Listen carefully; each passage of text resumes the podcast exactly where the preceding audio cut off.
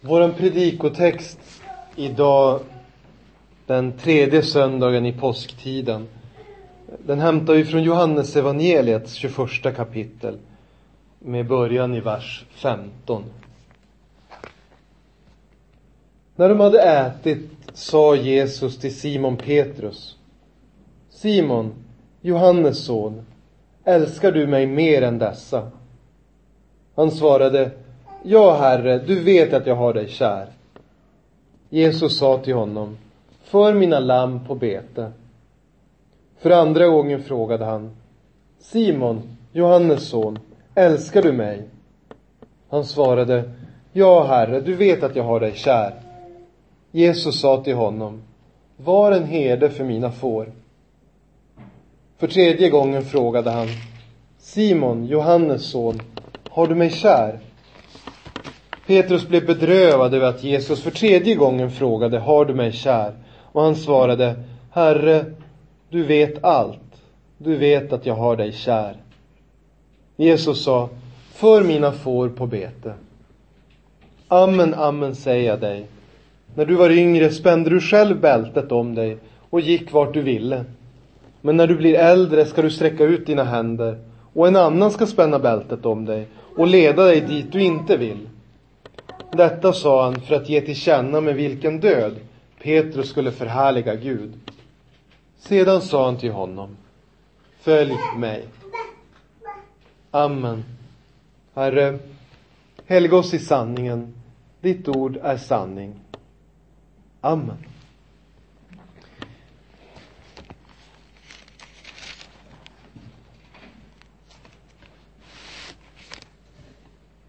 Jesus kallar syndare.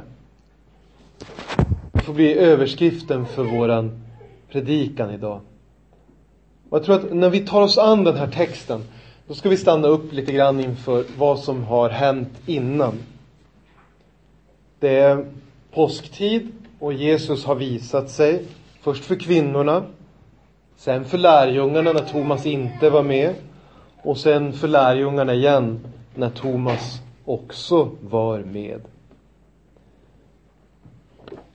Sen uppenbarar sig Jesus en tredje gång för lärjungarna. Det är inte allihop, men det är bland annat Simon Petrus. Simon, han bestämmer sig för att man ska fiska i Tiberias sjö och han får med sig några av de andra lärjungarna. Men de har ingen tur med fisket. De har ingen lycka med fisket och de kommer tillbaka utan fisk. Och tidigt på morgonen så står Jesus på stranden och tar emot dem när de kommer tillbaka. Och så frågar han om de har fått någonting. Har ni något att äta? Nej, säger de. Och så säger han, kasta ut nätet så ska ni få. Och så blir det så mycket fisk att de inte orkar dra upp näten. Och då så tänker Johannes, det här har hänt förut. Det här känner vi igen. Det var så här det gick till när Jesus kallade de första lärjungarna. Då gjorde han det med ett sånt här under. Att de fick fisk efter att inte ha fått fisk. Och de fick det i en del av sjön där de normalt sett inte fiskade. Vi ska tänka på att Jesus söker upp Petrus. Tidigare har han specifikt sökt upp Thomas eftersom Thomas tvivlar och säger jag kan inte tro om jag inte får se med mina egna ögon. Och nu söker han upp Petrus specifikt för att tala med honom. Man kan fundera när man läser våran predikotext idag hur man ska tolka de här frågorna som Jesus ställer. Jesus frågar ju Petrus tre gånger Älskar du mig? Eller Har du mig kär? Är det lag? Eller är det evangelium? Är det en förmaning? Eller är det en uppmuntran till Petrus? Vad tänker ni när ni hör dem? Ja, frågan innebär ju ransakande, ett gammalt svenskt ord. Den inbjuder till att vi ska granska oss själva. Hur är det egentligen? älskar vi Jesus? Och det är så Petrus uppfattar det också. Men han svarar snabbt, för att just då är han uppfylld av kärlek och säger, ja visst, du vet att jag har dig kär. Du vet att jag har dig kär. Det är också en fråga som innebär att vi ska granska oss själva. Älskar vi Jesus? Och förhoppningsvis kan vi säga sådär som Petrus. Ja visst, det är klart. Ja visst, det är klart. Det är därför vi vill tjäna honom. Man har funderat ibland, varför ställer Jesus om samma fråga? Ibland gör man ju det när man är missnöjd med svaret, men här får han ju samma svar alla tre gångerna. Så det verkar inte vara det att Petrus svarar fel första gången. Ja, dels så påminner det ju om Petrus förnekelse. Att han tre gånger förnekar Jesus. Och Jesus markerar liksom allvaret här. Är du säker på att du älskar mig? Är du säker på det?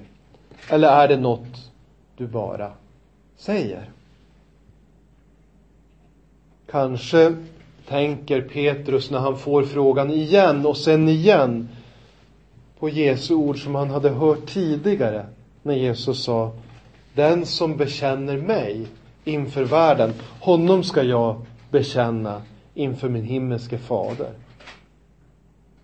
Men den som förnekar mig inför världen, honom ska jag också förneka. Kanske är det så att de orden nu ringer väldigt högt i Petrus huvud. Jesus påminner om att det är mycket allvarligt att förneka honom. Jesu första fråga, den är formulerad lite annorlunda, det tänkte ni på kanske. Älskar du mig mer än dessa? Alltså, är du den lärjunge som älskar mig allra mest? Är du den bästa lärjungen? Petrus får vi intrycket av kände sig ibland som den bästa lärjungen. Även om alla andra sviker, jag sviker aldrig, säger han.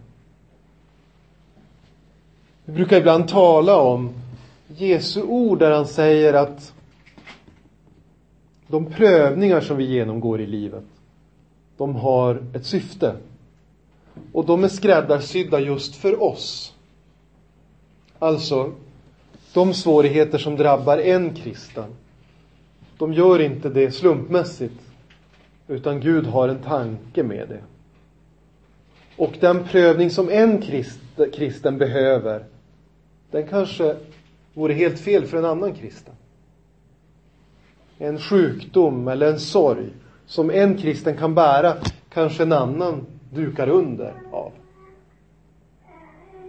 Vi vet inte Guds tankar. Vi ska inte tänka att vi gör det heller. Men utifrån, mänskligt sett, så verkar det som att Petrus var ganska stolt över att han var en sån stark bekännare och över att han var ledartyp och över att han gärna gick längst fram i lärjungaskaran.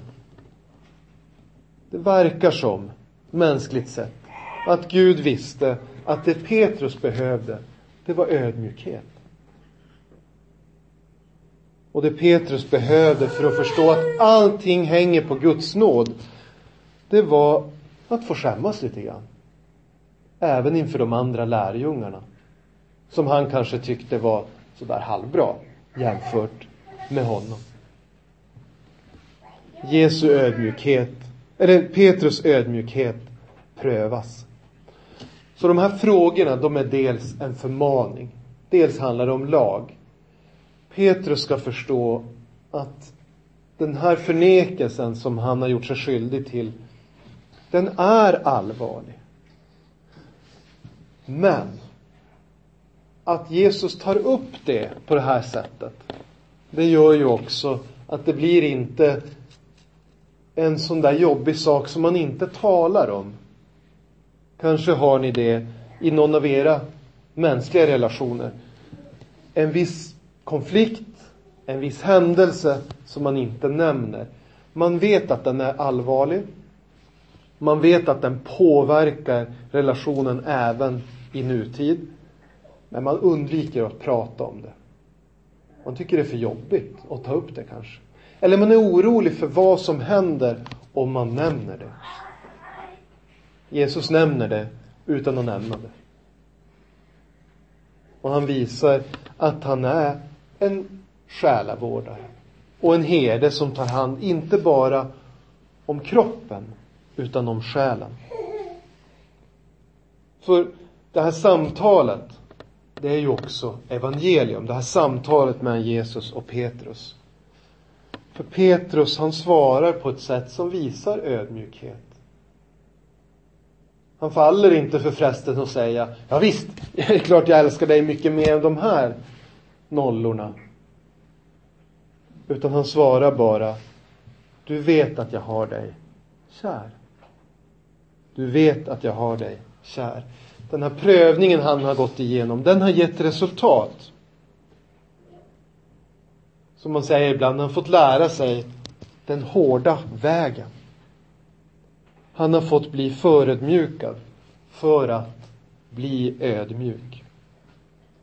Och lika många gånger som han har förnekat Jesus, lika många gånger ger Jesus honom möjlighet att förklara att han älskar Jesus. Han ger Petrus upprättelse genom att Petrus får bekänna inför Jesus, inför de andra lärjungarna och inför sig själv. Ja, jag älskar dig.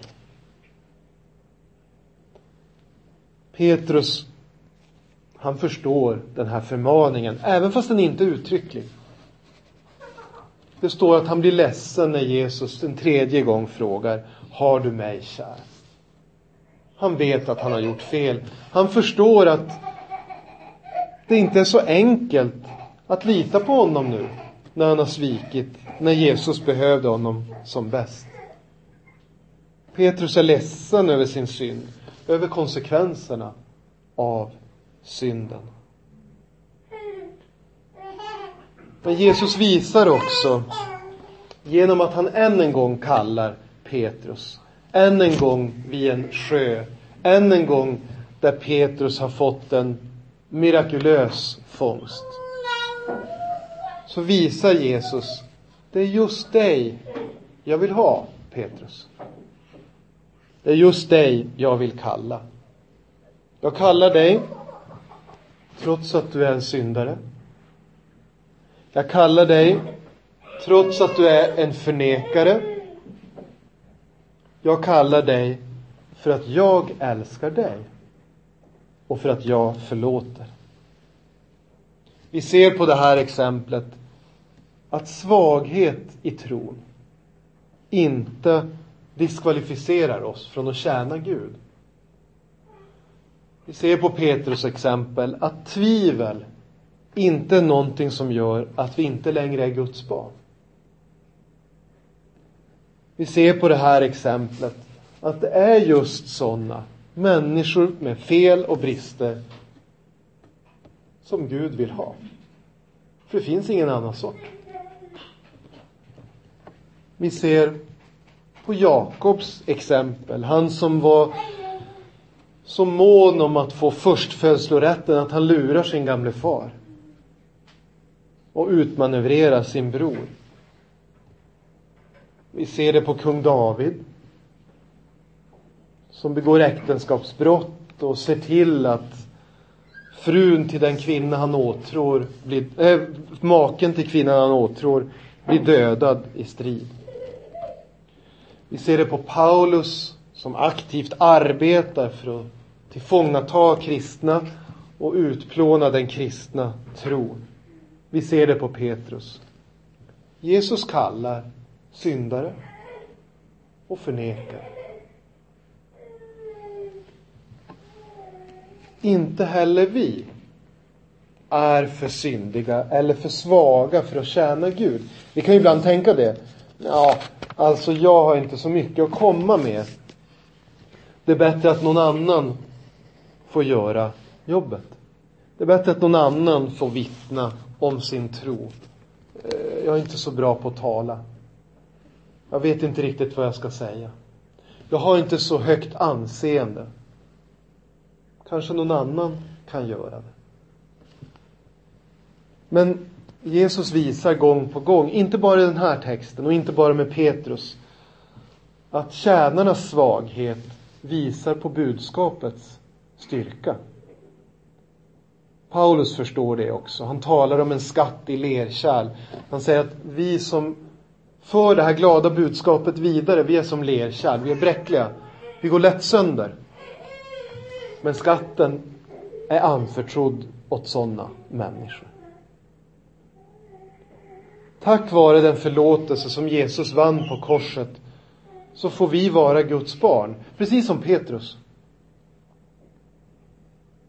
Och beror det på det Jesus gjorde på långfredagen? Om det beror på det budskap som bekräftas i och med den tomma graven, ja, men då hänger det inte på oss och våran förmåga och, och våran övertygelse och våran styrka i motgång. Utan då hänger det på om vi älskar Jesus och vill tjäna honom. Vi vet så här i efterhand att Petrus blev en viktig stöttepelare för den tidiga kyrkan. Gud använde Petrus ledaregenskaper, det han var bra på, för att tjäna honom. Han använde det i sin kyrka. Jesus fick visa vägen för evangelis evangelisationen. Ni kommer ihåg den här uppenbarelsen om att allt är tillåtet att äta i den nytestamentliga tiden. Jesus fick berätta om att jo, även icke-judar, även andra folkslag ska få höra evangelium. Där fick Petrus gå före. Jesus låter också Petrus predika på pingstdagen. Det är Petrus som träder fram som en ledare för lärjungarna och förmanar dem som lyssnar och säger den ni dödade, den ni korsfäste, det är han som är Messias. Men det är också Petrus som får säga i honom finns förlåtelse. Det är Petrus som får vittna inför Stora rådet när de grip, låter gripa honom. Han får en ny chans, hörni. Att möta Stora rådet. Det han inte vågade göra där på långfredagens, eh, på eh, skärtorsdagens kväll. Det han inte vågade göra, nämligen ställa sig inför de religiösa ledarna som kunde så mycket, som var så väl pålästa och säga jag bekänner mig till Jesus. Det han inte hade vågat då, det vågar han nu. Den som blev förödmjukad är inte tillplattad. Han är upprättad. Och han har blivit starkare genom Guds kraft. Jesus avslutar sitt samtal med Petrus med att säga Följ mig. Följ mig. Det är en uppmaning också till oss. Jesus vill att vi ska följa honom. Och det är inte en uppmaning som han ger en gång och så sen blir vi troende och så sen så har det liksom spelat ut sin giltighet. Utan det är en uppmaning som vi får ta till oss varje dag. Följ mig. Älskar du mig? frågar Jesus. Ja visst, säger vi. Du vet att jag har dig kär. Följ mig. Säger Jesus. Följ mina fotspår. Lyssna till mitt ord. Bevara min lära. För den ger liv till andra människor. Den lyfter människor upp ur skuld och hopplöshet och ger dem frid och framtidshopp. Bevara mina ord, säger Jesus, därför att den förklarar för människor vilka de är. Och att Gud har en plan för dem. Håll fast vid mina ord, säger Jesus, för det är vägen till himmelriket. Dit vill vi följa honom. Amen. Låt oss be.